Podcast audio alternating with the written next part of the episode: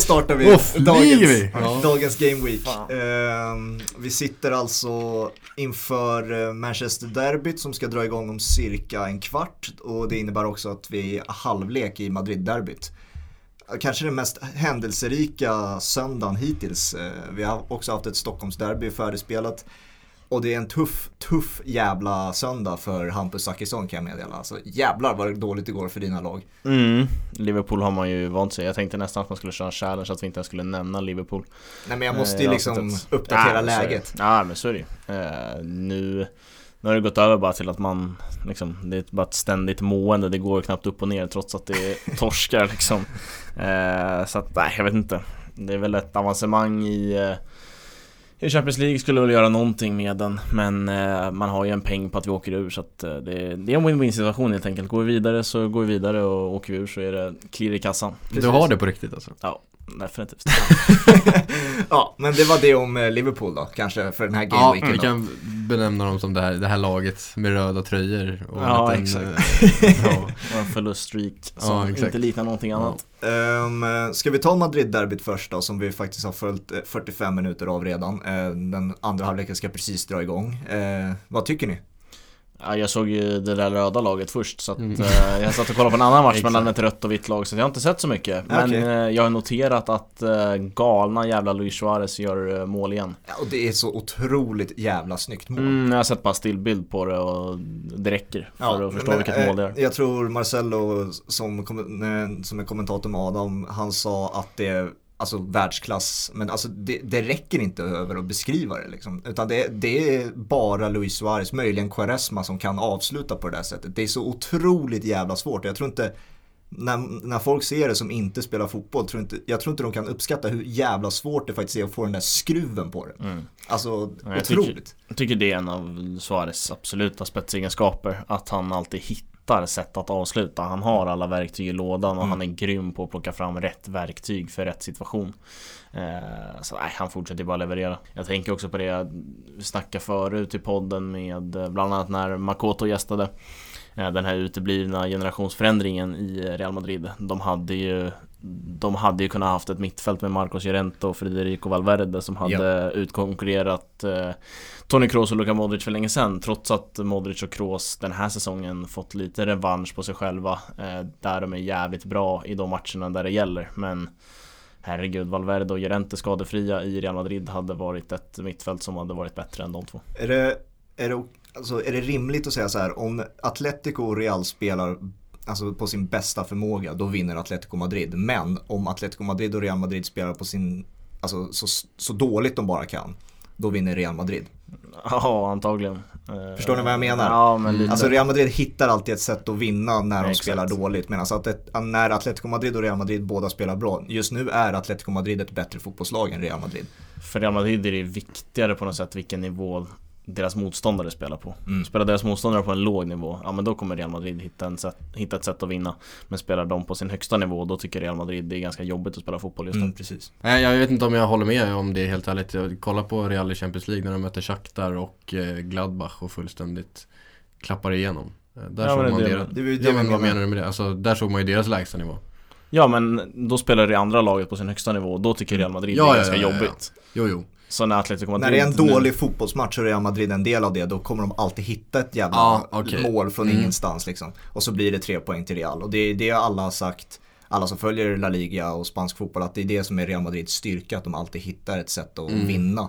Och det var en stor anledning till varför de vann eh, La Liga förra året. De var inte mind-blowing, alltså så jävla Nej. bra var de inte förra året. Det var bara att de hittade sätt att vinna varje jävla match. Ja, nej jag köper det. Absolut. Ska vi ta lite Stockholmsderby då nu när eh, andra halvlek precis har dragit igång? Mm, Eh, ni är ju båda aik -are. Jag kan ju ta från mitt perspektiv då som är neutral och jag har ju varit inne på det tidigare i podden flera gånger att jag inte uppskattar eh, kvaliteten på svensk fotboll. Men det var någonting med den här matchen, jag antar att det var intensiteten och sånt där. Jag, jag, jag tyckte den var så jävla underhållande att titta på för en gångs skull. Ja. Eh, och eh, smällde i dueller som man faktiskt inte får se i internationella derbyn numera. Alltså det, det var något unikt man fick se den här gången. Ja, men det förstår jag att den från en objektiv synpunkt kan, alltså att det var ett liksom ett jävla derby om man Mm, säger så.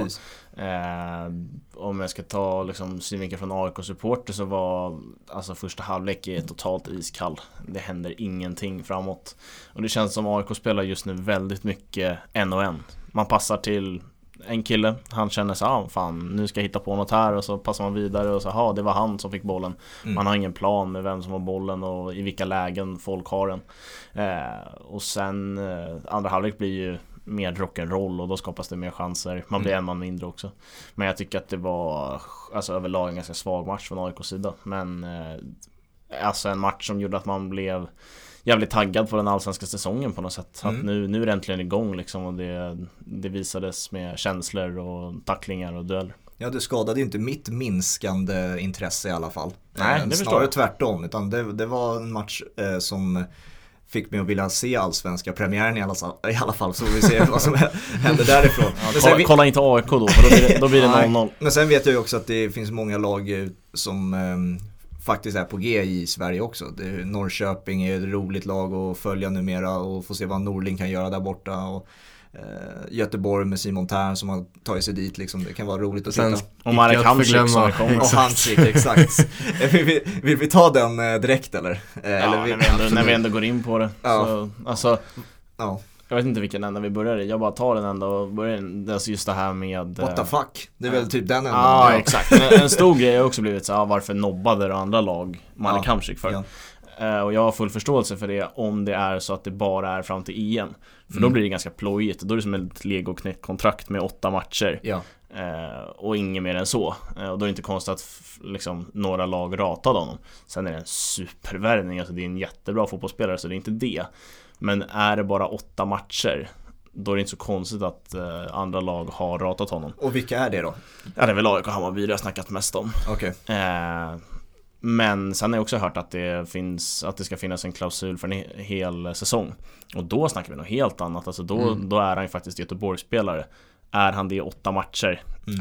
Jag, jag vet inte Nej. Men eh, alltså om vi ska bara ta spelarmarknaden Kanske det är helt sinnessjukt att han ska spela i Allsvenskan Alltså han är ju klar Ja. Ja. Men alltså jag slänger mig ofta med uttrycket i sociala sammanhang att det är någonting är det sjukaste jag har hört. ja, det är Men alltså en det här, alltså, det här är det sjukaste jag har hört. Ja.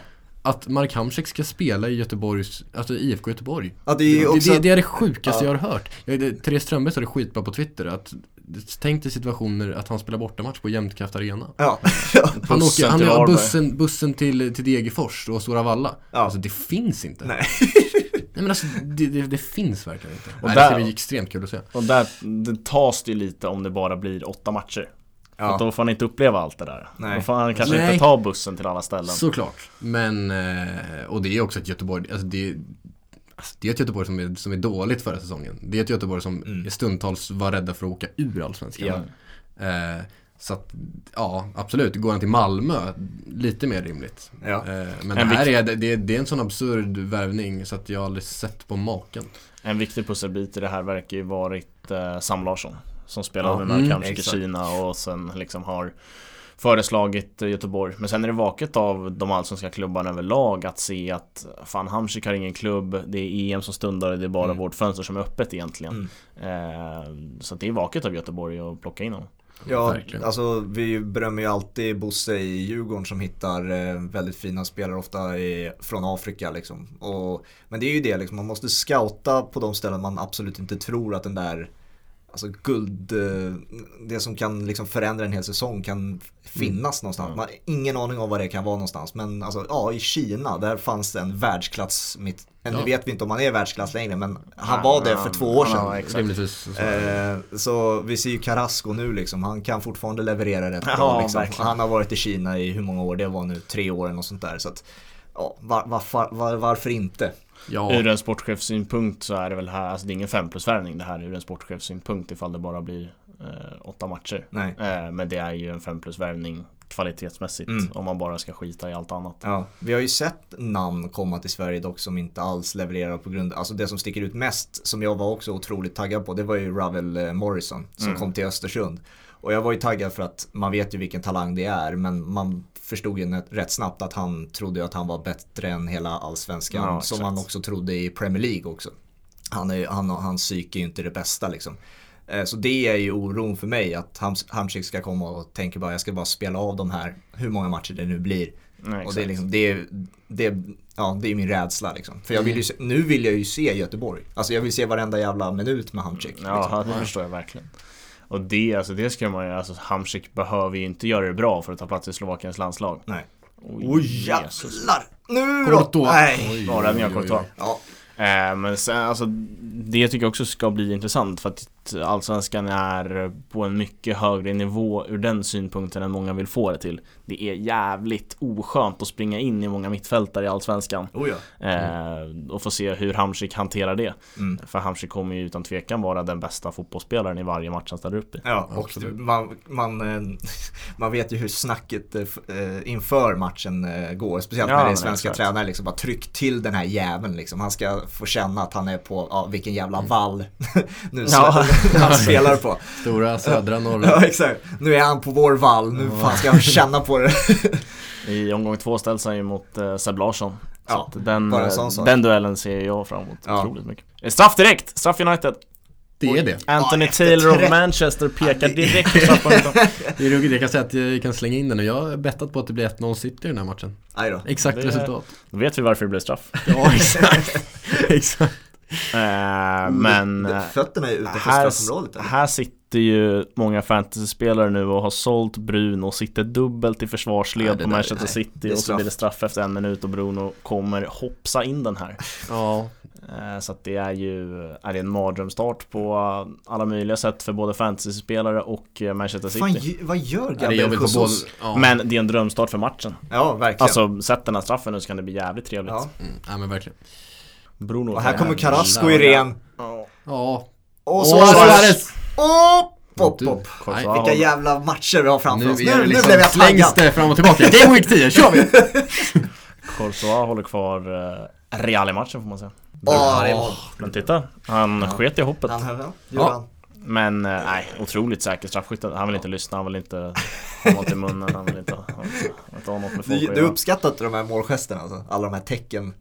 Nej, Det är väldigt lite de som tre, Hampus, tre aporna. väldigt lite som Hampus uppskattar med det där målet. Ja, Dels exakt. hoppstraff, lag, Nej, spelare, Ja, målgest. Luis Suarez han firade ju med att göra kycklingdansen. Vad tyckte ni om den?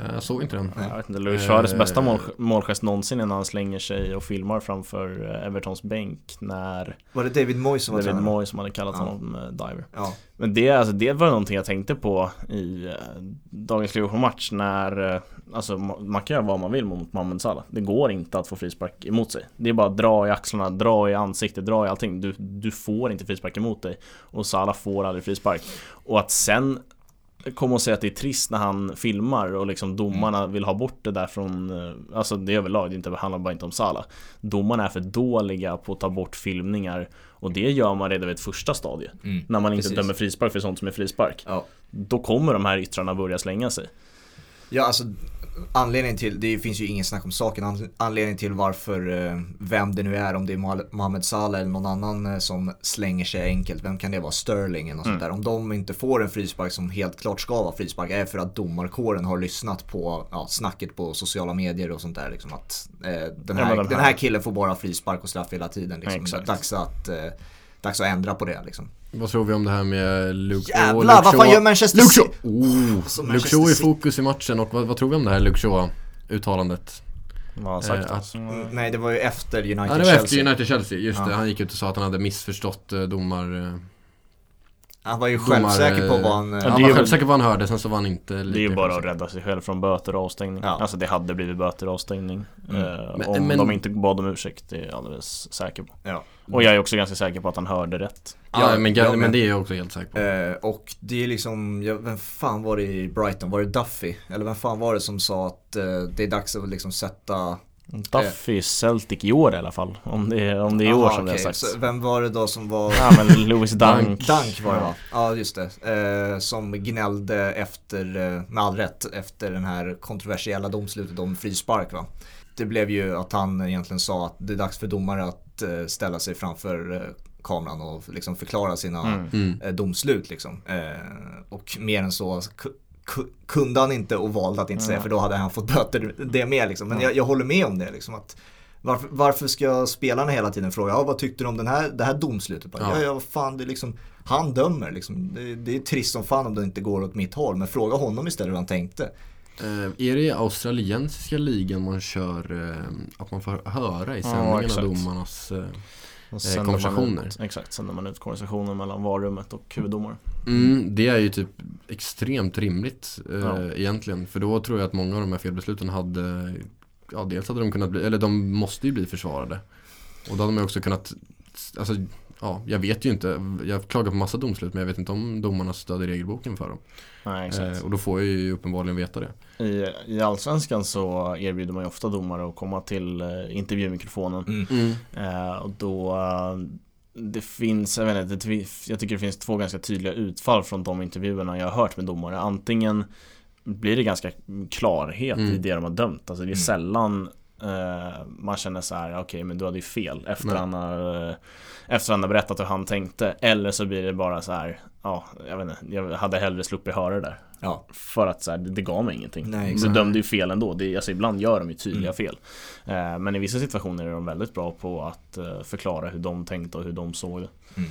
Eh, alltså, men sen den engelska domarkåren hade jag inte velat höra framför micken. Alltså, det, det, den samlade IQn de sitter på, det är, det är inget man vill ha framför Nej, va, vad var det Arsene Wenger sa inför VM 2018? Han sa efter att, efter, det här var innan VAR också. Mm. Han sa så här att eh, domarkåren i England är så jävla dåliga så att eh, det är ingen, som kommer, ingen av engelska domarkåren som kommer följa med till VM 2018. Och han fick ju rätt. Det Mm. var ju första gången någonsin typ att eng, engelska domare inte fick följa med till VM. Och det, det säger ju någonting liksom. Ja men de är så jävla nonchalanta inför deras uppgift ibland så att Ja. det är skräm, alltså, man skräms av det. Det är Mm. otroligt.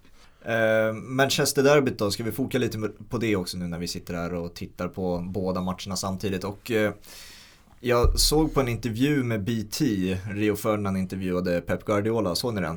Nej. Eh, och eh, jag, jag tyckte det var intressant för att eh, för en gång skulle verka det som att Pep Guardiola har lärt sig av sina sina misstag eller sitt enda misstag vilket är att övertänka. Mm. Och jag uppskattade hans ärlighet i intervjun.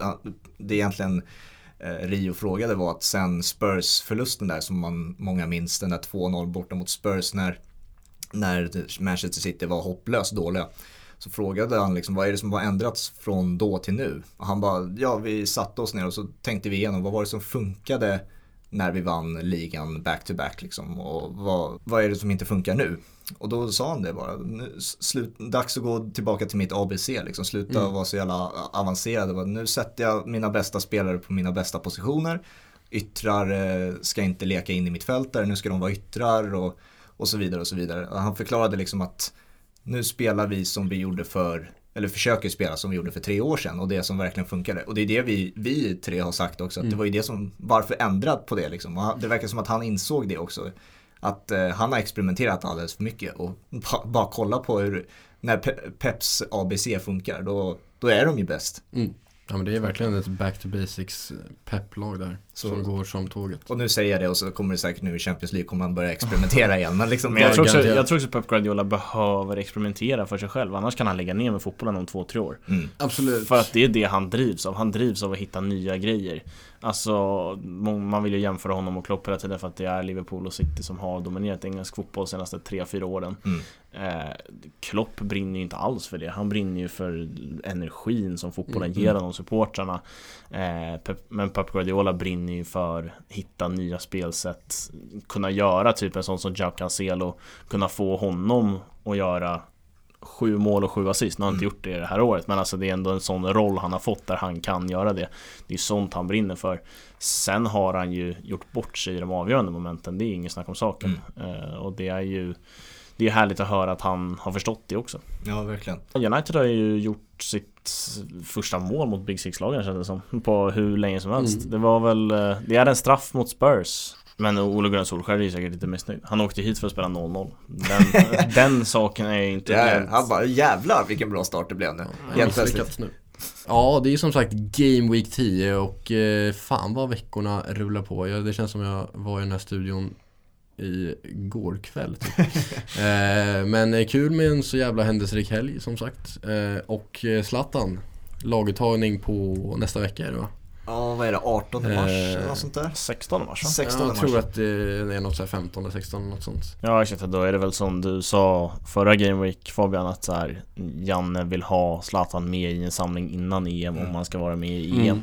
Och då är ju bara, det här är ju bara eh, Alltså teori, teoretiskt då, det finns, det finns ju såklart inget rätt, rätt svar, det är bara Janne och Zlatan som sitter på det. Men eh, vad tror vi? Är det ett krav från Janne eller är det någonting Zlatan verkligen eh, vill liksom att vara en del av truppen innan mästerskapet? Eller är det ett krav från Janne att du måste vara med liksom för att spela dig in i? Eller är det en kombination av Nej. det? Jag skulle tro att det är en kombination. Ja, definitivt. Eh, Jag tror att Janne tycker, jag, jag tror inte Janne, alltså det tror jag är emot hans principer att han ska glida in där eh, på flyget på Arlanda ner till eh, var de nu ska spela. Eh, vad det nu blir nu, det kanske blir Ryssland. Eh, det tror jag är emot Jannes principer samtidigt som jag tror inte eh, Zlatan har någonting emot att spela lite landslagsfotboll. Det tror jag han tycker är ganska kul. Mm. Så det är nog definitivt en kombination. Men jag tror att det är ganska bra att han får vara med en samling innan. Eh, för lagets skull. Mm. Jag tycker att eh, liksom styrkeförhållanden mellan spelarna har skiftat rejält sen senaste samlingen. Eh, sett Dejan Kulusevski få chansen från starten ett par matcher i Juventus. Ja. Uträttar ingenting tyvärr. Nej. Eh, Alexander Isak har börjat spotta in mål och, och nu ska Zlatan in så att det blir ju extremt intressant vilka han väljer att spela med. Eh, jag kan väl tänka mig att det är en två, tre matcher som ska spelas så att det, Mm. flera kommer ju få speltid. Mm. Eh, och Marcus Berg kommer nog starta alltså båda matcherna. Mm. Eller alla tre. Alltså Antagligen. så. För att jag, han, jag tror inte han rubbar på Marcus Berg. Och det tycker jag är med all rätt. I ett VM-kval som ska börja. Eh, att skicka in Jag vet ju att alltså, det, det är den Det är den eh, laguttagningen som folk kommer ha synpunkter på att Marcus Berg startar. Ja. Eh, och därför tycker jag bara att folk inte ska vara så jävla chockade över det. Nej, nej det, det håller jag med om. Man ska inte vara chockad över att Marcus Berg kommer starta. Däremot så kan man ju tycka att det är fel. Ja, det, Eh, absolut, det får man Eh, tycka. och eh, nej, men det är intressant. Du tycker det är, jag vill bara höra vad ni tycker, hur ni tycker att laget ska se ut nu då, när Zlatan hoppar in. Är, Mm. det, mm, är det Marcus Berg och Zlatan ni båda ser från start eller är det något an, en annan uppställning ni vill se? Alltså de bästa fotbolls, de bästa anfallarna, svenska anfallarna är ju Alexander Isak och Zlatan Ibrahimovic. Ja. Det är jag Mm. ganska övertygad om. Eh, men jag tycker nog att Berg ska spela. Mm. Eh, Jag ser framför mig Berg och Zlatan. ja, där Isak får stå till sidan. Det gör faktiskt jag, men jag tror att Isak kan gå ganska bra det också. Och få komma in och eh, göra lite nytta. Starta någon match såklart av de här nu som kommer. Ja, Men det är det anfallsparet som jag ser framför mig. Och för att liksom Janne ska motivera för sig själv vilka han väljer nu i VM-kvalet och även till EM. Alltså så här, Isak har hur många år framför sig som helst. Det här blir Mm. det sista Zlatan gör i landslaget. Ja. Ja. Eh, och eh, antagligen det sista Berg också gör Ja, i landslaget. Ja, jag, jag, för mig finns det ju bara en uppställning. För mig är det ju Kulusevski och Forsberg på kanterna, Isak och Zlatan på topp. Mm. Eh, och alltså det finns nästan inget landslag jag hellre vill se än den uppställningen. Alltså jag, jag är- blir så jävla taggad bara att Nej, tänka det- på de alltså, fyra det- samtidigt. Det kittlar. Och den, den Automat. uppställningen tror jag att du kommer få se eh, förr eller senare. Jag tror inte Berg kommer starta varenda match härifrån och till så att vi åker ut i EM. Nej. Eh, och då gäller det ju Alltså med tanke på att Berg har spelat till sig en så bra status i landslaget Då gäller det att de fyra också tar chansen i den matchen de Mm. får Mm. eh, Det är där, det är där vi har hamnat Eh, Det var det tänkte jag också komma till senare alltså, Jag antog att du skulle komma in på Dejan Kulusevski att det är så här Det är så jävla synd att han har, alltså han har inte varit Han har inte varit liksom Han har inte ens varit medioker, han har varit ganska dålig Mm. eh, Framförallt här senast mot Lazio var ingen rolig syn Nej. där han ger bort 1-0 målet och sen Ja, har det precis. ganska tufft. Så att, är väldigt trist så. Eh, och sen, han spelar i Juventus på en jättehög nivå och han är en jätteduktig fotbollsspelare. Så att, eh, jag har inga tvivel kring hans förmåga och inte heller hans potential. Men Nej. just här och nu så är han ju inte speciellt högt upp bland formstarka svenskar. Nej, han har ju varit inne i en period där man inte riktigt, alltså det har varit en 5 av 10 insatser väldigt mediokert eh, under någon månads tid nu och sen nu börjar det bli relativt dåliga prestationer och man, man såg det på hans kroppsspråk och också hur frustrerad han blev på sig själv flera gånger mot eh, Lazio. Eh, att liksom, nu, fan det här går jävligt dåligt, jag Mm. just nu spelar jag dåligt. Eh, och det är ju en farlig grop att falla i liksom som eh, fotbollsspelare. Att, det, liksom, att det, blir så, det blir så otroligt tufft att försöka bygga sitt eget självförtroende när du hela tiden intalar dig själv att jag spelar så jävla dåligt just nu. Eh, det, det, är inte lätt att komma därifrån. Sen. Nej. Sen kommer vi till en annan fråga som inte, eller som har allt med fotboll att göra egentligen men kanske inte på plan att göra. Ska, ska VM-kvalet överhuvudtaget dra igång nu? Eh, Sydamerika har ställt mm. in sina matcher. Mm. Uh, för att det är ju, det är inte smart. Det kan man inte påstå. Men sen är det så här Alltså jag förstår ju på något sätt om det går igenom för att Vart ska man klämma in VM-kvalet någonstans då? Mm. Nej det är, alltså, det är jättekort kvar uh, Och det är ju Det är ju pengarna som styr fotbollen, så är det ju Men uh, Hade man tagit ett smart beslut här så hade det inte spelats några landskamper Ja. Jag, jag, är bara så jävla nyfiken på om vi, när vi ser tillbaka på det här för, om två, tre år. Alltså, vad har konsekvenserna av det här intensiva, idiotiska schemat blivit? Mm. Alltså hur många fotbollskarriärer kommer få tidigt ta slut? Liksom? Eller hur, eh, hur, kommer, ja, hur kommer kvalen i framtiden se ut? Liksom? Och, och, så vidare. Hur, hur, vad kommer förändras efter det här? För att det här är ju inte normalt det vi ser. Och det vi kommer få uppleva som fotbollsfans. Liksom. Det, Nej, det här är något helt nytt. Och något det främst rapporteras kring, alltså den fysiska aspekten tror jag inte spelar så stor roll. Alltså den, den kommer de hämta sig ifrån. Eh, men det är ju den psykiska aspekten som det rapporteras mycket kring just nu. Mm. Alltså det är Den psykiska ohälsan är stor och eh, användandet av eh, sömnpiller till mm. exempel har ökat markant bland fotbollsspelare. Mm. Okay.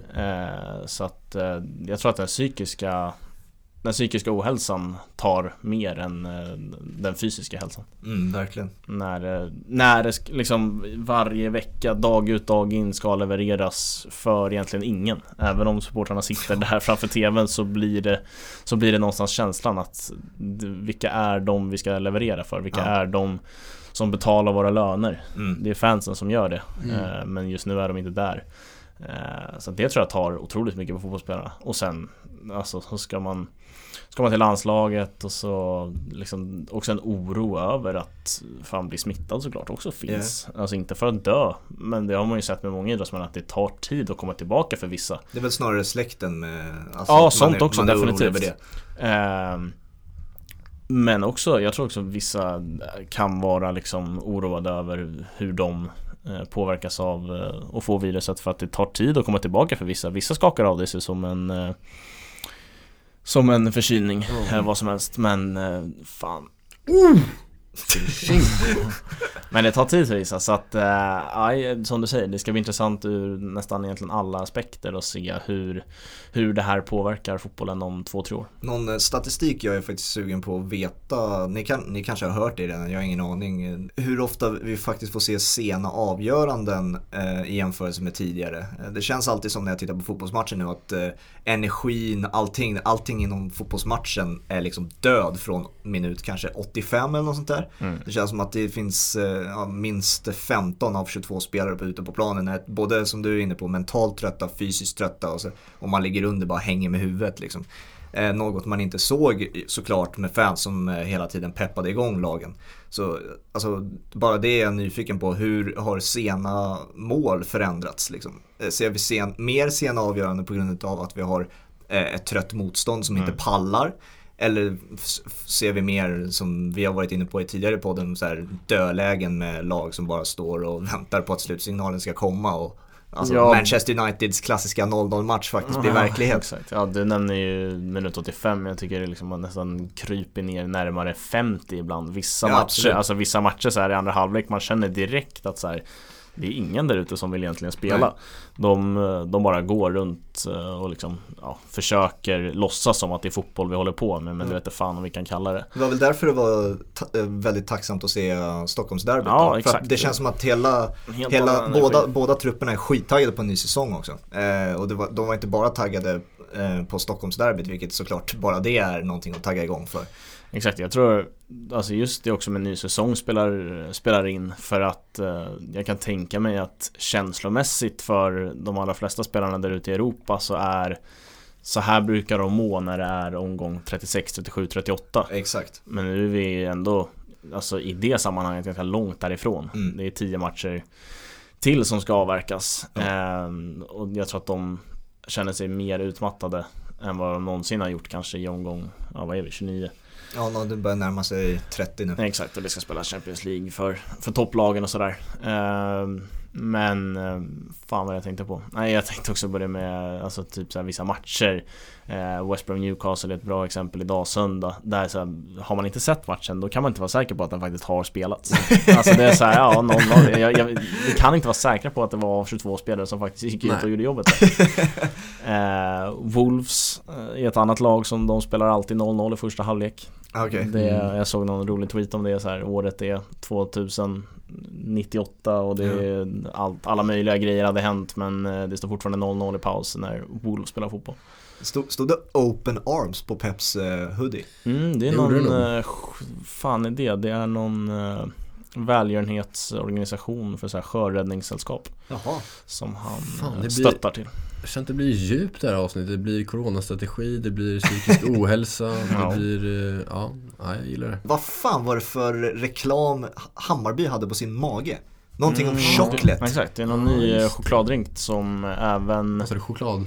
drick Jaha. eh, som Riktig även- mesig reklam. Ja, den förstör ju hela tröjan till att börja med. Ja. Eh, och det är väl ingen som vet riktigt vart den finns att handla heller. Det är som Carabao. Eh, Ja, Carabao exakt. Exakt. Det Ingen finns av det bara i Brasilien. Jag såg dock eh, kommentatorerna hade en varsin eh, Husky chocolate eh, flaska bakom sig Ja, idag som trevligt. kommenterade. Eh, så att jag har sett hur det ser ut i alla fall. Men det är flera lag som har den sponsorn. Nu kommer jag inte ihåg på rak arm och sådär. Men det är typ 4-5 lag som har fått den till i år. Så Husky chocolate, det är någonting Ja, man... det är någon ny eh, Mm. Utmanare till Pucko antar jag. Fan vad trevligt. Det var bara något, det var... Ja, nej, nej. i övrigt så var ju Bayerns tröja rätt ful alltså. Vad var det för, var det, var det deras hemmaställ? Skip, Exakt. Skippa ränderna nu. Ja, Exakt, det gillar jag inte när man ja, håller verkligen på inte. Det, mixtra med sånt. Och sen Ja. att de får typ en hel vit hemmatröja. det är jättekonstigt. gillar jag inte heller. Nej, det, den, ska ju, den ska ju i sådana fall vara helgrön. Exakt, jag tycker ju Bayern är ett grönt lag. Ja, det är absolut ett grönt lag. De så, här, de så här spänner bågen tills ränderna kommer tillbaka och så kommer folk vilja Ja, köpa de där tröjorna exakt, igen. det Det, är kanske är så här jävla- jättesmart move, man vet Det aldrig. var sjukt försäljningstrick att göra en ful tröja så att man ska vilja köpa den. Det är som eh, Inters, eh, eh, den här säsongens, deras bortatröjor. Den här gråsvarta randiga Ja. som man förknippar Mm. med Brasse Ronaldo med. Mm. Den, den tröjan har ju blivit superpopulär, även deras hemmatröjor. Inters tröjor är sinnessjukt vackra de här den här säsongen. Men Mm. eh, jag, jag vet att eh, den där svartgråa randiga tröjan, den såldes ju slut första veckan den kom ut liksom. Ja. Men det är ju ett smart move att köra retro retakes Ja, liksom. Och sen folk också, som du säger, man förknippar den med Brasse Ronaldo. Eh, smart move att ta en retake på en sån tröja verkligen. Ja. Intressant det där också som jag eh, lärde mig faktiskt härom veckan bara att eh, fotbollströjor tillverkas bara i De tillverkas liksom bara i en batch. Så de måste räkna ut typ hur många tröjor kommer vi sälja? Mm. För det är sån jävla lång produktionscykel tydligen. Så det går liksom inte så här, åh jävlar den här var populär. Den beställer vi in dubbelt så många av. Nej, okej. Så det är liksom eh, Jag vet att det var Leicester när de vann 15-16 var det så här, ja men vi Vi beställer in typ, vad var det nu var 20 000 kanske Mm. tröjor Och det var ju hela världen ville ha den där tröjan Alla ville ha Kanté, Ja, alla ville ha 14, Kanté. Mares 26 och allt det där. Ja exakt eh, Så att eh, nu eh, är säkert den där Inter-tröjan A lost cause Det, alla det, sätter ju saker i, det sätter ju saker i perspektiv också när värvningar som Kaká till Real Madrid kom och Ronaldo Mm. till Real Madrid kom. Alltså de måste bara ha suttit där och bara hur jävla många tröjor ska vi fan printa? Så det, är det är en stor aspekt också i, i liksom hur, vad, vad nettopriset blir för en spelar, Ja. ett spelarköp. Det var väl ett skämt Zlatan drog med Barcelona-övergången där att det, det spelar ingen roll hur mycket någon betalar. Alltså tr- tröjorna kommer ju eh, alltså det är betala sanslöst. summan liksom. Mm. Ja, Och han fick väl i princip rätt också. Mm. Att alla ville ju ha en Zlatan i Barca-tröja liksom. Mm. Ja, Exakt. Jag tänkte på det när jag såg Kevin De Bruyne slå bort en passning, vilket man inte är van att se. Att han, han gör en ganska svag säsong hittills tycker jag. Jag tycker att han är i långa stunder Citys bästa spelare tills han blir skadad. Och sen när många andra kliver fram. Men rent statistiskt så är han väl inte så jävla stark den här säsongen. Ja, det är jo, assisten det- är väl ganska högt upp Jo, de är höga. Han har gjort åtminstone 10 otroligt få mål. Ja, det, det, otroligt det, få mål. tror jag Ja, han jag Max tror- fem. Jag tror det handlar om, jag tror helt enkelt handlar om den otroligt höga standard han har satt för sig själv alltså. Ska vi se här. Ja, att, man, antagligen. att, man, att man påstår att han har gjort en säsong jag- för att han, ja. Ja nej nej, jag, jag räknar inte, jag jämför inte han med Trent liksom. Alltså Nej. Trent har ju Nej, en nej, nej. svag säsong. Ja men Alltså han har ju lika många assist som Jack Grealish liksom. Eh, typ Mm. Båda ligger på 10. Men hur många Harry, mål har Och då har Jack Grealish gjort ganska många fler minuter. Harry Kane ligger på 11 Hur många eh, mål har killen gjort? Killen har gjort, han ligger inte på topp 20 i alla fall så att Ska vi kolla här. Men nej men jag tycker att han, han kommer ju inte upp i Kevin De Bruyne nivå och egentligen inte speciellt nära där efter Eh, Men alltså jag tycker att han var, han var han fick- Tre, tre har han gjort. Mm, tre mål, det är inte tillräckligt bra. Säkert Nej. något straffmål där, emellan- där mm, liksom inräknat i dem också. Eh, och det, jag vet inte, det är inte Kevin De Bruyne nivå och jag tycker därför att eh, Ruben Diaz liksom blir allt mer tydlig eh, Player of the year. Alltså Mm. för att jag tycker Ruben Diaz är bäst i City. Ja men det håller jag med om. Eh, och egentligen fattar jag inte när, alltså just när jag tänkte på eh, bäst i City varför Phil Foden inte får mer speltid för han tycker jag är efter Diaz bäst i City. Mm. Ja, jag håller Han verkligen är med. en helt otrolig fotbollsspelare och Mm. att Sterling och Mahrez är inte dåliga men att Sterling och Mahrez så tydligt är före Phil Foden är märkligt och jag tycker även Phil Foden kan utgå från mitten. Ja. Eh, Men han har ju mest utgått från kanten. Eh, jag tror också med så här erfarenhet att göra att han vill ha han vill ha Phil Foden på kanten till en början tills han blir mer en mogen spelare och han känner sig trygg och skicka in honom i mitten. Eh, nej, men märkligt att Sterling och Mahrez så tydligt är före och att Foden egentligen inte Alltså han konkurrerar egentligen inte om samma plats. Det spelar ingen roll vad Foden Nej. gör utan det är Mahrez och Sterling som är det förstahandsvalet. Mm. Han sa, på tal om den där intervjun med Rio Ferdinand så det han försöker förändra med Fodens spel, Pep, eh, det han försöker influera mest är eh, sättet han eh, tar sig an en eh, 90 minuters match. Han sa att Foden, precis som alla talanger, helt förståeligt att man går ut och försöker ge 110% i varje situation. Mm. Han, Peps, hans version av en världsklasspelare är att man ger 110% där det verkligen behövs. Så att eh, man, eh, man liksom aktiverar sig själv när läget, alltså som försvarsspelare när bollen börjar komma nära sitt eget straffområde. Som anfallsspelare så gäller det liksom att vara 110% när bollen närmar sig offensivt straffområde och så vidare. Han sa att Phil Foden liksom, han kan han springer bara runt där ibland liksom och bara vill ha bollen, vilket är en bra grej. Men det är inte jätteeffektivt. Speciellt inte om du tröttar ut dig själv. Eh, Mm, nej, det tycker jag ofta man hör, alltså så här, folk som har en kritik mot folk som säger ja men måste löpa mer, måste springa mer. är Mm. ofta så här, nej, du behöver inte springa mer, du behöver bara springa smartare. Ja, springa rätt, exakt. Exakt, du Mm. måste lägga energin i, i rätt eh, delar av spelet som du är inne på. Mm. Så att eh, absolut kan det ha någonting att göra med alltså Phil Fodens inlärningsfas. Mm. Att eh, istället för att vilja ha bollen hela tiden vill jag ha bollen i rätt, rätt faser av spelet. Ja, Här kommer. Real Madrid eller? Oj, oj, oj, Benzema har gjort mål. Har Klart han har. tillbaka idag väl första matchen på hur länge som helst känns det som. Ja, alltså Måldirekt. Otroligt. ersätter Mariano. Det är svårersatt. Ja, exakt, verkligen. Har vi det där snygga jävla skärpedjupet som La Liga kör med nu på inzoomningen av spelare. De är ju, alltså de är ju bäst De är när lite, kommer, ny, lite när, nyskapande i produktionen. Verkligen, i La Liga Mm, är de fan bäst när det kommer till eh, produktion alltså. Det är Ja. otroligt. Exakt. Ska vi se hur målet gick till också. Det var en jävla upprullning av det lilla jag såg. Jag slängde bara ögat och så fick man se öppet mål egentligen. Ja, det är fint. Det är är Casemiro jättebra. iskall alltså. Mm. Casemiro är ju inte den fotbollsspelare man tänker på kanske som matchvinnare Men han har ju den där men, mentala delen i, i I spelet som gör att han kan bli det Ja. För att eh, fan vad han har en vilja att vinna Tyckte Marcello eh, återigen var spot on på den när han försökte beskriva Casemiros roll. Tidigare, och jag tror många liksom förknippar Casemiro med att han sitter framför mittbackarna Mm. och that's it liksom, det är ingenting mer med det. Men det han har gjort den här säsongen framförallt är att han har tryckt upp två, tre snäpp upp i banan och låta Modric och Casemiro vara bolltrillare långt ner i banan och så Casemiro lite längre upp och försöker vara avgörande. Det är därför man hela tiden ser honom nicka in bollar för att han, han ligger närmare straffområdet, han, han kubbar in i straffområdet. Han borde gjort fan ett hattrick mot Real Sociedad Ja. med de lägen han hade i den matchen Alltså det var helt sjukt att den matchen slutade 1-1 utan att eh, Casemiro var målskytt Mm. Så att eh, han har tagit en eh, mycket mer offensiv position och eh, han är bra på huvudet Alltså Ja. rent tekniskt så, han är ju fan ruggigt bra på att vara högst upp och först i duellerna Casemiro, han ska ju fan tacka gudarna, alltså att eh, Rafa Benitez kom till Real Madrid och det är fan inte många Real Madrid-spelare som ska, kan Nej. säga det liksom. Men det var Rafa Benitez som gav eh, Casemiro chansen i Real Madrid och det, liksom, det var ju någonting eh, Rafa Benitez fick jättemycket kritik för då för att Rafa Benitez står ju för en väldigt stabil och defensiv fotboll eller inte defensiv, snarare, snarare kontrollerad fotboll. Mm. Eh, och eh, han hade liksom ingen defensiv eh, mittfältare i laget förutom Casemiro så det blev liksom naturligt att Casemiro spelar. Men han, det var ju också en anledning till varför Rafa Benitez fick sparken sen och Zidane tog över för att det var, det var för defensivt för eh, Real Madrid-fansen och eh, Fiorentino Perez. Men det, det, visade ju sig att eh, Casemiro var där för att stanna liksom. Ja, verkligen. Jag har en till take på den positionen, men nu ska vi bara se en frispark i farligt läge för Real Madrid i 91 och Tony Kroos, tysken, eh, får chansen. Jaha, där ligger KK och tummen upp. Hej, hej, hej. Eh, Tony Kroos får ju chansen här att avgöra. Ja, det är Modric. Men ytter... Jaha. Där fattar jag det Vad fan hände där? Det där kändes liksom som när man står nere själv på IP och bara äh, kolla här, jag drar, jag drar till med en yttersida och ser vad som händer. Det är liksom 92 minuten i ett Madrid-derby och han Lite Nej, men så, slarvigt. Så där, så där får man inte göra alltså. Nej, det är dåligt.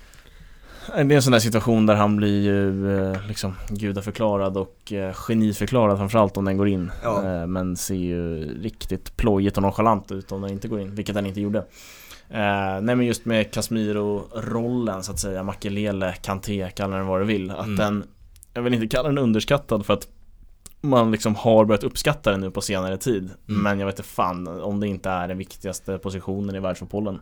Mm. För att har du inte blocket framför mittbackarna eh, mot eh, men egentligen mot vilka lag som helst för att alla lag har spelare som kan göra mål. Eh, på den här högsta nivån. Liksom. Har du inte blocket där då kan du bli jävligt eh, sårad. Mm. Så att eh, jag tycker, alltså så här, spelare, jag förstår att spelare som Rodri, Fernandinho, Casemiro börjar uppskattas mer och jag tror att de kommer kosta lika mycket som forwards ja.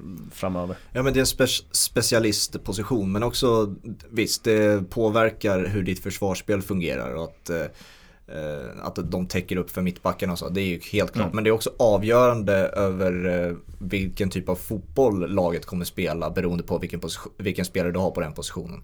Så att sätta en Jorginho eller Thiago på en släpande defensiv mittfältare då vet du exakt vad du kommer få ut av det fotbollslaget. Det kommer trillas boll.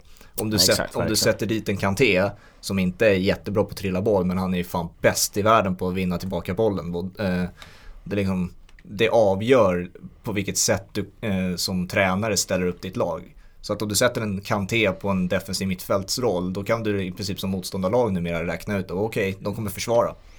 Ja men verkligen, det är, nej men som du säger, alltså det sätter, det visar redan innan ganska tydligt hur, hur ett lag vill spela. Mm. Och sen City trillar ju boll trots att de har Rodri som mittfältare och han är ju väldigt bra på båda delar. Ja. Eh, men det är ändå ganska tydligt att Rodri är ju ett ankare ja. som ska skydda backlinjen. Och sen, har, sen är han på en sån hög nivå att han även kan vara en del av ett bolltrillande lag. Också sätter också saker i perspektiv när du tittar på Manchester United nu till exempel som har McTominay och Fred på i princip samma position. Det intalar oss som tittar på det också att eh, det här är ett lag som inte har en tydlig defensiv mittfältare, inte en tillräckligt bra i alla fall. Så nu måste man sätta två på den positionen för att täcka upp för sina mittbackar. Exakt, och de har gjort det ganska bra Alltså Tillsammans? Ja men tillsammans och United som lag har gjort det ganska bra Alltså de har inte tydliga ankaret eh, Men de har dock en tydlig tia i Bruno Fernandes ja. eh, Och då har man löst det så att Fred och McTominay eh, får spela tillsammans på mitten ehm. Men det hade inte funkat om en av dem spelade som ankare ensam Alltså Nej, ingen, ingen av de två är tillräckligt bra för det. Nej det tror jag inte. Nej, men de har, ju, de har ju löst det bra United men det är någonting Arsenal har saknat i typ alla år. Ja. Eh, och där man nu har fått in Thomas Partey som fan inte har kommit in i det här på något speciellt bra sätt. Och det tror jag har att göra med att det är ganska svårt att direkt komma in i Arsenal. Det måste ta mm. tid. Eh, Nicola Pepe har tagit en väldig tid men visst fan börjar han hitta in i det här på ett bättre sätt nu. Mm. Och jag tror att det liksom, det kommer ju med framgång. Eh, det är väldigt lätt att komma in i ett lag där alla presterar på sin högsta nivå. Kliva in i Liverpool idag, kliva in i Arsenal idag, kliva mm. in i Sheffield United idag. Det är inte lätt för att det, det funkar inte alltså från start. Så att eh, jag har ju förtroende för Thomas Partey och tror att det kommer bli väldigt bra. Sen tycker jag att han har fått en så här en lite kanske för hög position. Alltså jag vet inte, jag ser Thomas Partey som ett ankare också. Men han pratas om och diskuteras om en spelare som också ska kunna göra lite poäng. Mm. Och det tycker jag inte han är. Alltså, han, en Rodri, typ. Alltså Mm. ett ankare som är också väldigt bra med boll, som kan vara en del av ett bolltränande lag. Ja. Ehm, så där, där tror jag att de har hittat svaret på det. Men man har ju sett hur de har lidit alla de här åren egentligen sen typ Patrik Vira, vilket är helt sjukt Ja. att det har tagit så lång tid. Eh, Madrid-derbyt slutar 1-1 och det betyder att du fick rätt på tecken i alla fall. Mm, varför? Jag sa 2-2. 2-2 sa du. Exakt. Jag sa väl eh, även eh, Suarez målskytt kanske. Ja, det och Llorente. De två Ja självklara. exakt, de gjorde assist. Och Casemiro sa jag målskytt också, men han gjorde bara assist. Ja, precis. Nej, så att... Rätt eh, på det. Ska vi se om du har sönderjinxat De Bruyne här och om han sätter den här frisparken. Fan, det är mycket Det är pauser för frisparkar här känner jag. Ja, det är alltid trevligt. Det här är ett drömläge för De Bruyne där han får liksom piska till bollen Ja, ordentligt och har fortfarande tid att skjuta. Oh, den är bra! Men det betyder också att 1-1 i Madrid-derbyt. Eh, Nej, så jävla bra var den inte. nej. Den av Dean Henderson 100 av 100. Den var faktiskt Ehm. dålig. Jag vill sträcka mig att den var dålig. Man bjuder in Barcelona och helt jävla sinnessjukt att Barcelona faktiskt kan vinna den här La Liga-titeln. Mm. Med det här resultatet. Och de har ju de har ju börjat vinna nu. Ja. De gör det inte snyggt och bra alla gånger men de har börjat vinna och det är det viktiga. Vad är det för fucking säsong om Barcelona kan vinna La Liga? Den här säsongen av alla. Mm, hur ser det ut i toppen? Har ändå inte Atletico ett Det- ganska bra Nu försprång? tror jag det är fyra poäng och sånt där. Ja, är det inte ganska haltande också? Eller? Är det inte det längre? Bekräftar det Hampus? Nej, det är inte speciellt haltande. De har tre poäng ner till Barcelona och en match mindre. En match Så mindre att det, är ändå, det kan bli sex. Ja. Mm. Men de ska väl möta, alltså det är mycket matcher kvar när man De- tittar på de det så ska här. De har mötas. bara spelat 25-26. Det är en potentiell seriefinal då, igen. Barcelona, Real, nej, Barcelona Atletico Och Madrid. de möts 9 maj med fyra omgångar kvar då, när de möts. Ja, Så den matchen, men sen ska man ju inte räkna ut Real Madrid. Eh, Det är förvisso, vad blir det, fem poäng med en match eh, mer spelad då än serieledarna Atletico Madrid. Men de har Barca kvar att möta. Så att, eh, ah, jag vet inte, det blir en jävla, det blir ett jävla race tror jag. Ja. Och det gillar man ju. På tal om race, här kommer James. mi, mi. Nej, han är bara snabb tyvärr, den James. Ja, de dock börjat se lite finare ut på senaste tiden. Jävlar vad dålig passning. Ja, absolut. Han eh, må ju, alltså han har gjort, jag vet inte, jag tycker att han har gjort märkligt mycket mål i United-tröjan och då har han gjort typ åtta. Ja. Alltså han har inte Ja, gjort han har inte mycket alls mål. gjort många och han började väl med att göra två mål i någon match typ och sen så gjorde Han han var ju typ i premiären. Ja. Ja exakt och sen så gjorde han inte ett enda mål på hur många matcher som Men det, alltså, det ska man med sig att det var ganska märkligt att han hamnade i Manchester United från början. Han var klar för Leeds i Championship.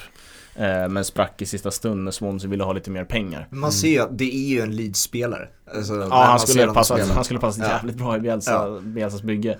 Och det är ju i mångt och mycket inget konstigt om en sån spelare hade gått från en Championship-klubb till en annan. Och sen, nu var det ju Leeds som sen gick upp. Mm. Ehm, men, eh, nej, alltså han gör ett förtjänstfullt arbete, vi ska inte snacka ner honom. Oj, Jesus, det där- det där är ju- satan. Jesus, det är Jesus. Jesus. Kul också att du säger Jesus för att han är nära, men det var också Jesus. Flyger jag, trodde, in- jag trodde han skulle titta upp och eh, ha lite tårar i ögonen. Alltså, det, det- brukar han ju. det- Det jag tror att han har nu när han dunkar in i stolpen på det där Ja, sättet. det där gör fan ont Ja, att flyga in i stolpen alltså. Det är inte låg fart han glider in med heller. Nej, Har ni, har ni sett den? eh, Dessutom i offside-position.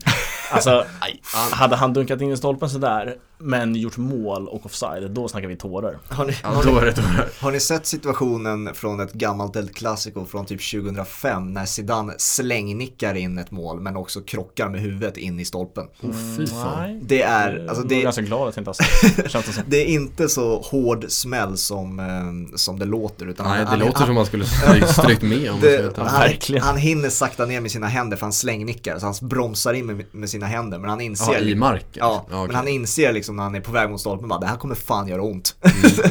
och så ligger han kvar där ett tag. Ja, alltså en stolpe är hård. Ja. Är, Slängnickar, på tal om det, det ser vi för lite i fotbollen tycker jag. mm, folk har blivit för, antingen alldeles för bra på att slå inlägg så att de går mitt på pannan eller Ja. för dåliga så att de är alldeles för långt fram. Det är ett av de snyggaste sätten att göra mål på tycker jag. Ja, ja Det är så jävla snyggt. Alltså Henke Larssons Henke mål mot Larsson, Bulgarien Robin är van Persie, alltså Verkligen. det hade ju extremt. Ja, där eh, första halvlek avklarad av Manchester Derbyt. 1-0 till United, det var inte många som tippade det Nej. på förhand. Nej, Kanske Rickard. Ja, Kanske det. vet inte vad Eh, Jag han- vet inte vad, jag såg, eh, vet inte vad han tippade i Liverpool fulla men jag antar Ja, jag han, såg han tippade nog inte fullen med Nej, jag vet faktiskt inte men i paus så tippade han 1-1 i alla fall. Okej. Okej. eh, Men, eh, vi, nej alltså fan, vi har snackat om, snackat om Rickard förut, Mm. eh, mest eh, privat. Men fan, man fick ju, man fick ju respekt för Kassa, han har ju ett uselt facit på, han. på, på de här grejerna där han får 18 sekunder på sig att motivera tips. Men ja. Nej, jag fick stor respekt för honom på Twitter när han blev sågad av en kille men liksom verkligen tog det med en klackspark och bara så här, ja, hörru jag har 18 sekunder på mig, jag måste sticka ut. Ja. Hur- Vad, liksom, Vad fan hur, vill kul, hur kul är det annars? eh, och då, ja, men då såg jag hans roll i nytt ljus och eh, jag gillar ju folk som sticker ut liksom. Så Ja. att, eh, ja, Fint. eh, vi såg även här innan eh, att eh, hade man spelat på de här, vad var det, sex Liverpool-torskar? Mm, Eh, exakt. då hade man fått, eh, du lyfte först att man fick ju 5000 gånger pengarna om man spelade på att Leicester skulle vinna Premier League 15-16. Spelar man på, de, är det de sex senaste? Sex senaste hemmamatcherna. hemmamatcherna Sex senaste Liverpool. matcherna får man 34 180 gånger pengar. Fy fan. Alltså fatta, Eh. fatta då alltså så här. Alltså det är ju brutalt Ja. då, är Alltså- du, då, är, är, då är du multimiljonär. Ja ja, och det Om matten stämmer ska jag säga, lägg in en brasklapp. Ja, ja skomatten är inte bra Nej den är inte bra.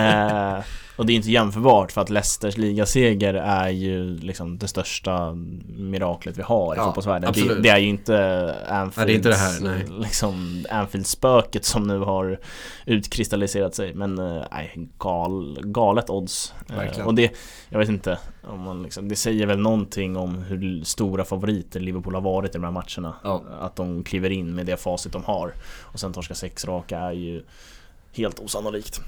Eh, Men två kronor hade man ju kunnat lagt in på det där ja, ja, Ja, ja, men bara det, att- så blir man det, ju- inte- bara det så blir det ju 68 000. Exakt. 54 000. Att man inte bara drog Ja, en tre. Ja, då chansning blir man 100 000. Ja, nej, det är otroligt. Svagt. Men eh, Liverpools backlinje idag, Rhys Williams, Neco Williams, Nathaniel Phillips och Andrew Robertson. Är det den sämsta vi har sett eh, i år? Det är den sämsta Alltså, alltså, det, i är, Premier det, League det är den sämsta vi har sett i Premier League. Ja, Och det, det är Andy inte Robertson. konstigt att de torskar mot Fulham när de har den. Vad- vad- vad Nej, var jag det? tyckte det var kul också Jonas Olsson i um, studion i paus så ställde Jennifer Kücükaslan frågan att så här, Hur mycket kan man landa i att backlinjen inte har spelat ihop överhuvudtaget egentligen i år? Mm. Eh, Och då säger Jonas Olsson först, ja men det är klart att det ligger en del i det men man kan inte alltid landa i det Och sen börjar han rita på att backlinjen inte sitter ihop han, han landar ju i det men han tycker inte att man alltid kan landa i Nej, det nej. Nej. Eh, Vad var, det, vad var det Bylund twittrade om? Alltså, Ja men jag tyckte han sa det bra, alltså så här, det måste ju göras något test om spelarna faktiskt har en hjärna Exakt! Mm. Alltså Rhys Williams första, alltså Rhys Williams match överlag, Rhys Williams som fotbollsspelare Det är ju det är taskigt mot honom att han ska spela i Premier League Ja, ja. För att, alltså det är ju som att, jag vet inte Sätta mig i ett alldeles för stort sammanhang Ja. När man håller på att utbilda sig ja. Alltså det är, inte- det är inte schysst Nej, det, Eh, Sätta Hampus på livepodd på, ja, på, på Cirkus. Ja men exakt, det är inte, det är inte snällt Eh, fan, det hade vi klarat av. Nej, Ja, hade vi det? Det hade vi inte gjort. Eh, och nu är det ingen som, det är ingen som sitter där och tittar. Men han vet ju att Liverpool är, han vet vilken klubb Liverpool är. Han, Ja, vet ja. hur många, alltså, han har ju ögonen på sig ändå, även om det inte är någon publik. Men det kanske kan vara, alltså den där, den där tystnaden kan fan vara nästan ännu värre. Det är liksom, Mm, det är det här pers- absolut. när man pratar om straffar, vill man hellre att eh, liksom 50 000 buar dig eller att det ska vara helt knäpptyst? Det liksom beror ju på vad man föredrar. Alltså framför, framförallt just med det exemplet är ju intressant för att du, du har ju ett helt annat svar om det är helt tomt på arenan och helt tyst. Mm. Det är ju en grej. Men om 50 000 är på plats och är helt tysta, Ja, det, då ser jag mycket hellre att de skriker. ja, men det är ju så här avgörande straffen i Champions Ja, League-finalen. exakt. Då är det knäpptyst. Ja, det, ja men då, då mår man inte bra. Nej. När det är 80 000 på plats och det är helt knäpptyst. Förutom typ de här freaksen, typ Ronaldo och Haaland och alla de här, de skulle ju älska den tystnaden. Framförallt Haaland, så som han såg ut första Egentligen första halvlek igår tills han blev sönderstampad av eh, Boateng var det väl Ja, jag Eh, missade vem det var. Ja, började blöda på alla möjliga håll Ja. i den där hälen. Eh, Men det var ju verkligen den där freak-ögonen och målgesten vid 2-0 när han liksom bara suger tag i Torgan Hazard och Hazard måste på riktigt frukta för sitt liv. Ja. Där han sitter stadigt fast Ja, är i li- eh, Haalands armkrok och det ser- Haaland liksom det kör Det ser liksom ut som att det är 50 kilos skillnad på de där två när de ska... Ja. Nej, han eh, otrolig Otrolig match han gjorde ändå Haaland trots Ja. att det inte blev seger. Så vad är det nu, 29 mål på 28 matcher och sånt där. Men eh, det kom, man kommer ändå inte nära Lewandowski. Nej, som, det var, det var någonting som ändå var fint i den matchen att liksom, det blev ju ändå fokus på vilket jävla freak eh, Haaland är och hur bra han är. Ja. Och så Lewandowski visar sig liksom numret större. ja. Jävla, Otrolig forward. alla de målen alltså. Jag tror, nej okej, okej, eh, Hollands andra mål det är, eh, det är ju öppet mål så att, men det är ju fortfarande en bra aktion och så vidare. Men resten av avsluten i den matchen, helt otroliga avslut. För Lewandowski petade in en också tror jag kanske. Men alltså alla är stenhårt i stolproten resten alltså. Otroliga mål. Ja, Lewandowskis eh, fjärde där. Inte hans fjärde då, men eh, Bayern Münchens fjärde. Eh, Och Haalands första Ja. kan man ju likna lite med varandra. Ja. Där är liksom kliniska avslut ganska långt if- utifrån eh, straffområdet. Eh, Och där ska det inte gå att vara klinisk. Men de två spelarna med några till i fotbollsvärlden kan vara det. Verkligen. Men, nej, men helgens stora glädjeämne för mig är ju att Glasgow Rangers blev ligamästare i Skottland. Ja. Nej, det alltså Steven Gerrard är ju anledningen till att jag älskar den här sporten. Eh, Så att otroligt glad för hans skull och eh, det är liksom ingen vanlig säsong de gör. Nej. De har säkrat titeln nu utan en förlust Mm. och det är typ, ja, vad är det, 10 matcher kvar eller någonting. Mm. Eh, Så att nu går de ju för Invincible-säsongen och Celtic Park härnäst. Vi får väl hoppas att de de är liksom hederliga nog att ställa upp i en Guard of Honor. Ja. Men det tror jag Det tror jag inte Celtic liksom Så Alltså så fair play tror jag att ändå Att de är, att de ställer upp en Guard of Honor Tror du det? För att alltså, Alltså, den... är, alltså den rivaliteten är ju Av bland de största digniteten Vi har i Europa och Ja. i världen Men med det kommer också en respekt Alltså, Alltså- i och med att den är så stor den rivaliteten så ställer man upp på sådana grejer Det tror jag i alla fall. 100 procent, alltså det, jag, det vill ju all, alla vill ju se en Guard of Honor, alltså det är för att det visar så pass mycket på respekt. Alltså, alltså det är någonting som, alltså som en neutral som jag liksom uppskattar verkligen. Men alltså jag tror att det där, den där eh, respekten håller på att försvinna. För att jag, Barcelona och Real Madrid för den delen har båda haft möjlighet eh, de senaste åren att, att ge eh, lagen en Guard of Honor av, Mm. av olika anledningar. Vissa har vunnit en eh, klubblags-VM, eh, vissa har vunnit en La Liga och, och båda lagen har skitit i att ge en Guard of Honor. Och eh, liksom, det, det är så jävla trist. Och eh, jag tror det, alltså, det har också påverkat, det kommer aldrig hända igen att vi får se att Real Madrid och Barcelona ger en Guard of Honor. Tror jag, jag, kommer, jag tror inte vi kommer få se det igen. Jo men det tror jag. Alltså, jag tror... Senaste gången var typ 27, har jag för mig att det var. Mm, ja, dålig koll. Nej men alltså som den där respekten, absolut. Bernardo Silva gjorde en väldigt tydlig grej av att inte klappa. Mm, Han ställde exakt. upp i Guard of Honor men han var väldigt tydlig med att han inte skulle Ja. klappa. Och det är ju såklart bara töntigt. Ja, exakt. Alltså det, det, är bara, det, det vinner han ju knappt ens några poäng hos City-fansen. Nej, Nej, Alltså, alltså, så att- garanterat inte. Och liksom jag förstår ju Alltså det är ju kanske den Någonstans den yppersta liksom klassen av respekt Men Mm. det är också en jävla Bedrövelse över att få ställa upp där Mm. och klappa in sin värsta rival Alltså okej, Liverpool och Manchester City Knappt ens rivaler. Nej. Sportsliga senaste fyra fem åren, absolut. Mm, ja. Men de har noll historia med varandra. Celtic och Rangers har en otroligt lång historia. Men jag tycker att så här, som tränare och som liksom de högsta hönsen Att det kan vara jävligt Det är stort att göra en poäng också. Nu ställer vi upp här. Nu ska ni känna hur det känns Och det här ska inte upprepas nej exakt. liksom, Vi ska inte behöva klappa in våra värsta rivaler till en titel med tio omgångar kvar på vår hemmaarena Det ska inte ske igen Nej. Så nu gör ni det här och känner vilken bedrövelse det är Eh, det, det tror jag inte man ska underskatta för liksom, framtiden Men ja, vi får se, alltså, det är ju ett intressant moment innan ens matchen har börjat Exakt. Blir det en Guard of Honor? Det var ju det som diskuterades förra säsongen med Liverpool Manchester City just. Exakt. Kommer det bli en? Och det blev en till slut. Nej men det är, är ett fint moment. Men det är, det är långt till dess tror jag. Jag tror skotska ligan har något märkligt eh, uppehåll där, där I alla fall där Rangers ska ha fullt fokus på Europa League nu. Mm. Där de ska ta sig an Slavia Prag. Och det tror jag blir en ganska jämn match. Det, lå- det låter inte jämnt. Inte för att jag... Nej, som- vilka, vilka, tycker du, vilka tycker du har fördel? Rangers. Ja, jag, för, alltså jag förstår det rent namnmässigt och sådär. Man vet lite spelare som spelar i Rangers, Ja. Steven Gerrard coachar. Eh, Slavia Prag slog ju ut eh, Leicester. Leicester. Mm. Och eh, det är där eh, Kofal Zuzek kommer ifrån. Mm. Eh, Så att de Mm. har ju De har något bra jävla program på gång där. Eh, Och det såg bara här om veckan Alltså, sorry att Ja. jag avbryter. Ja, Alltså, kolla på den här fucking bänken, Citys bänk. Ja, det, det här också blir kul när liksom Pep Guardiola ska skoja lite om så här, men varför är vi så, varför är vi så bra? Ja, vi har mycket pengar köper spelare. Det, det, det, det där är det bästa laget i Premier League. Ja, vi har satt studion alltså, tar upp bän- bänken bänken här. är det bästa laget i Premier Så League. de, Wall, där, de där nio slår Liverpools Ja. elva idag. vad Ja, var det? de behöver inte lägga Walker. Walker, Laporte, Fernandinho, Fer- Fernan Torres, Agüero, Bernardo Silva, Mendy, Mendy, Foden. Foden. Vad fan. Och alltså, det får Ja, man det är snuskigt. De har ju byggt det här långsiktigt så att de har blivit ett lag som har påverkat ganska lite av det tuffa schemat. Mm. För att de har ju två, två startelvor Mm. som är lika bra. Eh, så att de har ju spenderat sina pengar väl och det är det fan inte alla klubbar som gör. Nej.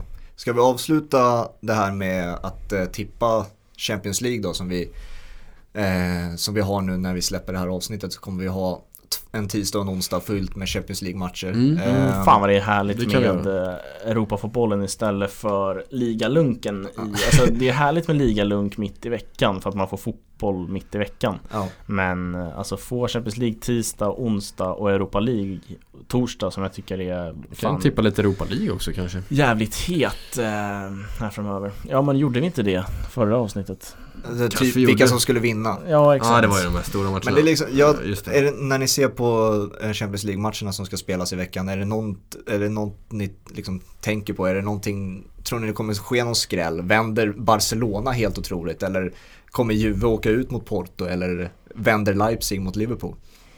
Mm, nej, Alltså- jag, jag, tror, jag tror Liverpool håller. Eh, jag tror de eh, löser den. Jag tror även PSG löser det. är inte ett jättevågat tips. Eh, men jag tror att Bar- Barca kan nog vinna matchen. Mm. Eh, tror jag. Eh, sen i övrigt, vad har vi mer för matcher?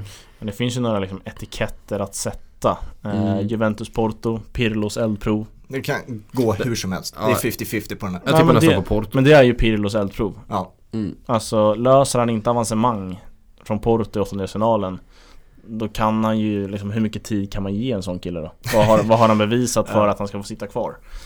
Eh, sen Dortmund-Sevilla Alltså med Haaland på plan så ser jag tyvärr inte Sevilla vända på det Och Sevilla har gått lite tyngre nu på slutet också Så att, eh, nej jag vet inte fan Där tror jag att Dortmund löser Mm. Ja, jag, eh, jag säger nog eh, Dortmund, Porto, Liverpool och PSG. Du tror alltså Porto tar Juve? Ja, det tror Okej. Och är det en vinst för, för Porto till och med? Alltså är det jag. sen... Vad, vad, vad har vi? Det, det, det 2-1 är 2-1 till Porto. till Porto och de spelade senast i, Porto i Porto. Ja, så det är på Juve nu. Portugal. Alltså, Så att vinner, vinner Ju- Juventus med 1-0 då går de alltså vidare. Mm. jag kommer säkert jinxa det här men Ronaldo kommer garanterat göra ett mål i alla fall. Nu Ja. jinxade jag det säkert men alltså. Nej men alltså jag förstår Jag tänkte precis gå in på det spåret att eh, Svårt att se att Ronaldo ens accepterar Ja. att åka ut med det utgångsläget Så att jag, alltså Juventus kommer börja matchen med 1-0. Alltså det, det läget har Det är jag i mycket mitt huvud. möjligt. Men alltså, det, alltså Porto kan mycket väl göra fyra mål på Juventus. Det skulle Ja. inte förvåna mig. Det är lite det jag menar, sen så spelar också eh, Jävlar, det är Ferguson! Fan vad vi slänger Hela- oss mellan ämnen i det här programmet. Han, Men, tänk, han hade masken över hela jävla facet. Nej, sorry, fortsätt. eh, nej men eh, dels det att Porto kan göra många mål och sen så blandar jag väl in lite att jag verkligen, verkligen hoppas att Juventus åker ut. För Juventus är inte en klubb jag vill beblanda mig särskilt mycket med. Eh, men eh, vad har vi mer då? Europa League har vi redan tippat kanske. Ja vi tippade vilka som skulle Eh, vinna och ja, alla nej, matcher Trist att gå igenom, så jävla roligt är det Ja, inte nej skit i det. United tror jag går vidare i alla fall. Eh, tror jag vinner över Milan. Ja, jag tror, jag tror Juve går vidare just med tanke på att Ronaldo Mm. Ronaldo kommer inte acceptera att åka ut Dortmund, PSG vidare och sen Leipzig slår ut Liverpool Nu eh, sa vi att vi skulle avsluta. Jag vill avsluta på ett annat. Eller två, jag har två, två grejer nu. Okej, avsluta Gurra. Ja. Nej men eh, dels, eh, vi snackade om Pirlos eldprov. Eh, det kan bli slutet för hans del. Eh, Klopp, mest, jag räknar med mest till till dig Fabian. När, eh, när tar det slut för Klopp? Alltså- när, när, var ska man dra gränsen? Snackar du sparken nu? Ja, det, ja, ja. Ehm, Kan, man, kan man torska, jag får flash... kan, kan, man gå, kan man gå liksom tre, fyra matcher till utan, utan något bra resultat? Och, och. Jag, jag får flashback av eh, Ranieri-sparkningen eh, i Leicester där. De Mm. som gick så jävla dåligt efter eh, deras otroliga vinst som vi har varit inne på. Eh, och det är så här, det beror på vad man står. Är det resultatbaserat eller kärleksbaserat man Mm. väljer beslutet på? Och eh, jag som inte har några känslor kring Liverpool eller Klopp överhuvudtaget känner liksom att eh, ja, alltså om det blir inte ens Europaspel, då får man faktiskt fundera på det i slutet Ja. på säsongen. Eh, men du, du ska, han ska garanterat, och det kommer ju ske, att han har hela säsongen på sig att lösa det. Och eh, nej, jag, jag, oavsett hur det går så ger jag honom nästa säsong. Eh, Du gör starten på den. Det gör honom starten på nästa säsong. Ja, Okej, ja. Jag tycker det är märkligt vilket fripass han får faktiskt. Så, så är det alltså. Eh, Det är otroligt. Det, det finns noll märkligt i det. säga. Nej men det Nej, finns noll märkligt. Alltså- Ja, men jag, jag, jag håller faktiskt inte med. Nej, jag, alltså han ska eh, ha... Första, li, första ligatiteln på 30 år. Nej, ja, men det är förra säsongen. Nu snackar vi ja, nu, nu. definitivt. Men första ligatiteln på 30 år. Mm. Och sen missa Europa ett år. Alltså, det är inte Ska man då bara sparka honom och säga nej men fan vi har bättre Det alternativ? är baserat på hur laget och hur det ser ut just nu mår. Eh, och det finns såklart förklaringar till det, men det finns det hos alla lag som det går dåligt för varför det går dåligt. Eh, Liverpool är garanterat mycket tydligare än andra, andra exempel såklart, men alltså Klopp och Liverpool ska spela bättre än vad de gör. Och därför så finns det en anledning till varför man kan argumentera för att eh, om det fortsätter så här att han ska få sparken. Men jag skulle inte gjort det. Eh, Jag tycker Klopp har bevisat att han eh, såklart är en av världens bästa tränare. Det finns inget bättre alternativ där ute. Eh, Så att han ska såklart vara kvar en- enligt mig. Men jag förstår de som diskuterar kring det att ja, liksom, finns det någon annan, alltså vi måste få en reaktion på något sätt. Men om, beroende på hur lång den reaktionen är, det beror ju på vilken tränare man tar in. Jag står väl lite i det hörnet att Ja, jag, jag förstår ju kritiken mot honom. Alltså, Ja. det, det, här skulle det här skulle ju skötas bättre från alla möjliga håll och kanter i klubben. Men alltså, tar man upp och sparkar Klopp, jag vet inte, då förstår man inte sig på riktigt liksom vad den ligatiteln betydde och vad han har gjort för den här klubben. Nej, men man, Fast- om, men- om, om man frågar dig då, så här, vad, vad tyckte du om Ranieris eh, spark? Ja, jag tyckte den var bedrövlig. Det var så? Ja, Det, det, man gör inte det så. blev ju en reaktion på Leicesters säsong därefter. Ja, De gick ju vad- till en Champions League-kvart bland annat. De var ju aldrig nära på att vinna Champions League såklart. Men alltså, det blev ju en reaktion och de slut, alltså det var ju, en- eh, de var ju nere i botten. De var på väg att åka ur Leicester. Mm. Eh, och de hamnade i mitten på tabellen när Pierce, Pier, vad heter han? Ja, Jag vet inte, alltså Vilken? Shakespeare tog ju över. Shakespeare, så var det. Ehm, och ja, jag vet inte, det var ju en reaktion som Leicester verkligen, verkligen behövde. Ehm, nu är ju såklart Ja, det här de- i två olika de- lag, men alltså, varför, varför tyckte du att Ranieri hade ju kunnat åka ut med Leicester? Och det hade varit OK då eller? Nej, det hade inte varit OK. Det är inte OK att Liverpool missar eh, Europa heller. Men det är ju Det är ju nära nu att Liverpool kommer göra det. Eh, Men jag tycker inte att man kan sparka Klopp för det. Och Ranieri var en säsong i Leicester. Absolut, han gjorde det största miraklet någonsin. Men den sparkningen tycker jag är bedrövlig. Klopp har inte varit en säsong i Liverpool. Han har inte byggt det här på en säsong. Han har byggt det här över lång tid. Och att då bara att en säsong ska göra att man får sparken för att man missar Europa och resultatet är inte tillräckligt bra. Nej, då är man för kortsiktig och då är det för dåligt att ens gå i de banorna. Men var det inte kortsiktigt med Brendan Rodgers? För att han var ju nära på att vinna titeln en säsong och sen, visst, en och en halv säsong senare fick han sparken. Men han var fortfarande Champions League-kandidat där liksom och var i topp fyra bland, bland de där eh, lagen i alla fall. Mm. Eh, sparken direkt när eh, en annat namn dök upp. Alltså, Ja, det, det är en väsentlig, väsentlig skillnad i den sparkningen. Det fanns ett bättre namn. Det finns inget bättre namn. nej det var ju det jag var inne på. Det finns Därför- ingen bättre därför- tränare för Nej, Liverpool just nu. men det, det är väl liksom det, är det som de fungerande sparkningarna eller vad man ska kalla det. Det är, ju när man ersätter en tränare som inte funkar med, en, med ett bättre alternativ. Ja. Eh, det var väl det Tottenham typ försökte med när man tog in to- eh, Mourinho. ja, han är inte fripass i sex år. Men det här är en Nej men hur säsong. länge har han fripass? För jag står väl lite i det hörnet att jag tycker att man ska ge honom till, till publiken kommer tillbaka. Jag tycker inte man kan sparka Klopp när det inte finns någon publik. För det är inte riktig fotboll. Eh, Nej, han får gärna ha, Men, ja. ha sitt bästa lag. Några Ja, man har sitt bästa lag och spela några matcher inför publik. Fortsätter det gå skit, vad, vad, Ja, nej, vad då, har han kvar det, att göra? Den situationen har vi inte ens nått. Nej men jag menar såhär, vi ser att det eh, börjar, bli, börjar bli kanske röra sig Åh, mot hopp, Luke mål. Shaw gör mål! Luke Shaw. Hacka fan sex pinnar in på 50 sekunder typ. mm, Bonusjakten är igång. Där Ja. har vi ett klassavslut av en vänsterback alltså. Faktiskt. Eh, nej men, Alltså, Nej, men då kan vi vi spekulera, börjar vi då kan vi spekulera i pepp. Jo, jo, men, Tänk men, om de åker på lite skador här och det går lite dåligt, hur länge kan han sitta kvar? Nej men alltså börjar vi Vi röra är så långt ifrån en sparkning av. Klopp. Börjar vi, jag tycker inte han ska sparkas när det inte finns någon publik. Börjar vi röra oss mot publik mot slutet av den här säsongen. Eh, fortsätter gå skit, missar, missar Europa. Eh, vi leker med tanken att nästa säsong, då är det fullsatt eh, på Anfield. Det, det går fortfarande inte bra. Vad gör man? Ska han vara kvar då?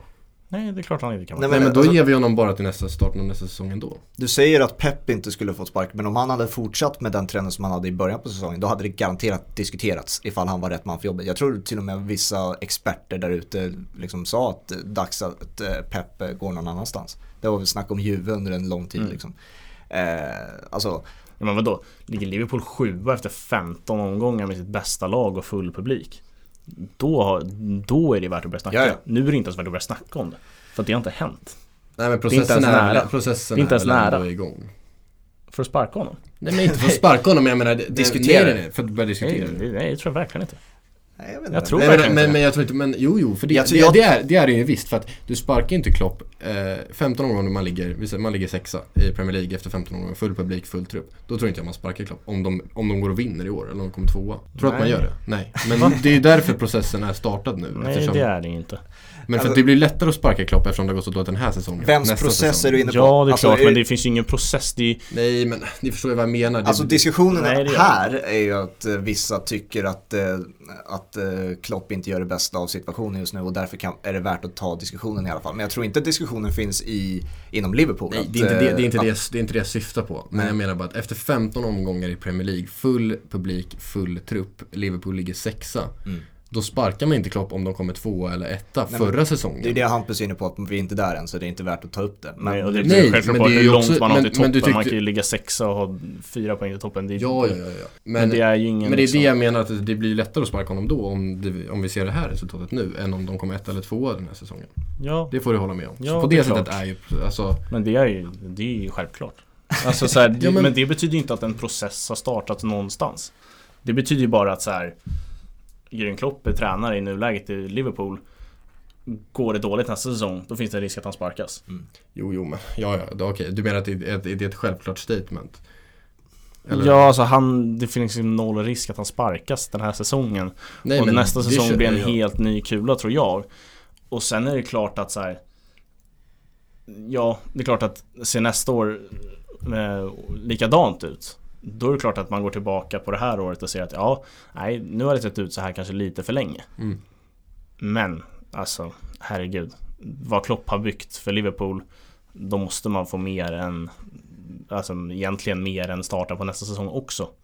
Och det tror jag att han kommer få. Men det är klart att en dålig start på nästa säsong kommer göra att då kommer det verkligen börja snackas om det. Mm. Men vi, alltså, vi, vi är så långt därifrån och alltså, det, kommer, det kommer brinna i Liverpool om Klopp får sparken nästa säsong. Nästan, alltså, nästan typ oavsett hur det ser ut. För att den killen är, alltså det är gudfadern just nu. Så att, eh, nej, jag tror att det är en extremt känslig punkt eh, för samtliga Liverpool-supportrar. Ja, Och eh, Ja, det jag tycker är intressant jag kan ju såklart inte relatera. Det är inte, jag tycker att han får ett typ av fripass och det, det kan vara befogat och det kan vara icke befogat men eh, Ja, nej men jag tycker att första ligatiteln på 30 år, det han har gjort, det, där han har tagit oss ifrån där sjunde och sjätte platser var vardag mm. till att vinna, alltså till att ha den bästa säsongen jag har sett i engelsk fotboll. Eh, är, då har man köpt till sig lite tid genom prestationer. Mm. Köper det. var, det, var det Eh, en av två? Det var, det var en av två, den, här, den andra är eh, otroligt mycket mer lättsam. Och vi skulle eh, hålla oss borta från Liverpool men det gick sådär. ja, exakt. Ja, men det kan man ändå förstå. eh, Ja, det kan man verkligen förstå. Eh, Men eh, min andra punkt var Zlatan. Eh, Nummer på landslagströjan. Fan vad bra att du sa det för att jag har ju varit inne på det tidigare och eh, att det inte är en eh, stor punkt eh, i, alltså, i diskussionen och debatten om Zlatan. Men Ja. alltså, de, den är fan viktigare än många tror alltså. Det är därför jag eh, lyfter den för att han, han, han, han plockar ju inte tian. Om, om jag är Emil Forsberg så alltså den är fan svår för att om du vill komma på rätt sida av Zlatan då erbjuder du tian till Zlatan. Nu säger jag inte att Emil Forsberg Samtidigt kommer göra det. nej. Men om du, om du vill komma på rätt sida, med, alltså vara polare och buddies med Zlatan, då, då gör du det. Eh, Då måste han göra det på rätt sätt. Alltså- han kan inte komma som en knähund och säga här har du tian Zlatan. Nej, eh, Varsågod. alltså, det finns flera exempel på det här när folk byter tröjor. Och, eh, till exempel när Zlatan gick till Manchester United. Han Mm. fick tröja nummer 9, en, ett tröjnummer som Anthony Martial hade. Mhm. Eh, United tvingade Anthony Martial att byta till nummer 11 så att Mm. Zlatan kunde få nian. Och eh, vi minns alla Martial under Mourinho, han var jävligt deppig. Mm. Eh, och det har ju varit Alltså anledningen till att eh, Martial hade dåligt självförtroende började där med att United bytte, alltså tvingade honom att byta eh, tröjnummer. De, Mm, Det tog hårt på honom. Ja, Eh, Vilket, vilket är sånt jävla svaghetsbetyg till Anton Martial. ver- det får, verkligen. man, det får man faktiskt säga. Verkligen, men det är liksom, det finns eh, saker, det, alltså det är en eh, faktor ändå. Sen, sen har Ja. vi exempel där det funkar mycket bättre. När Neymar gick till PSG, Javier Pastore gick fram till Neymar, och, eh, sägs det i alla fall. Mm. Och för, alltså säger så här, jag tar nummer 27 igen, det är mitt gamla nummer, här får du nummer 10 Mm. liksom.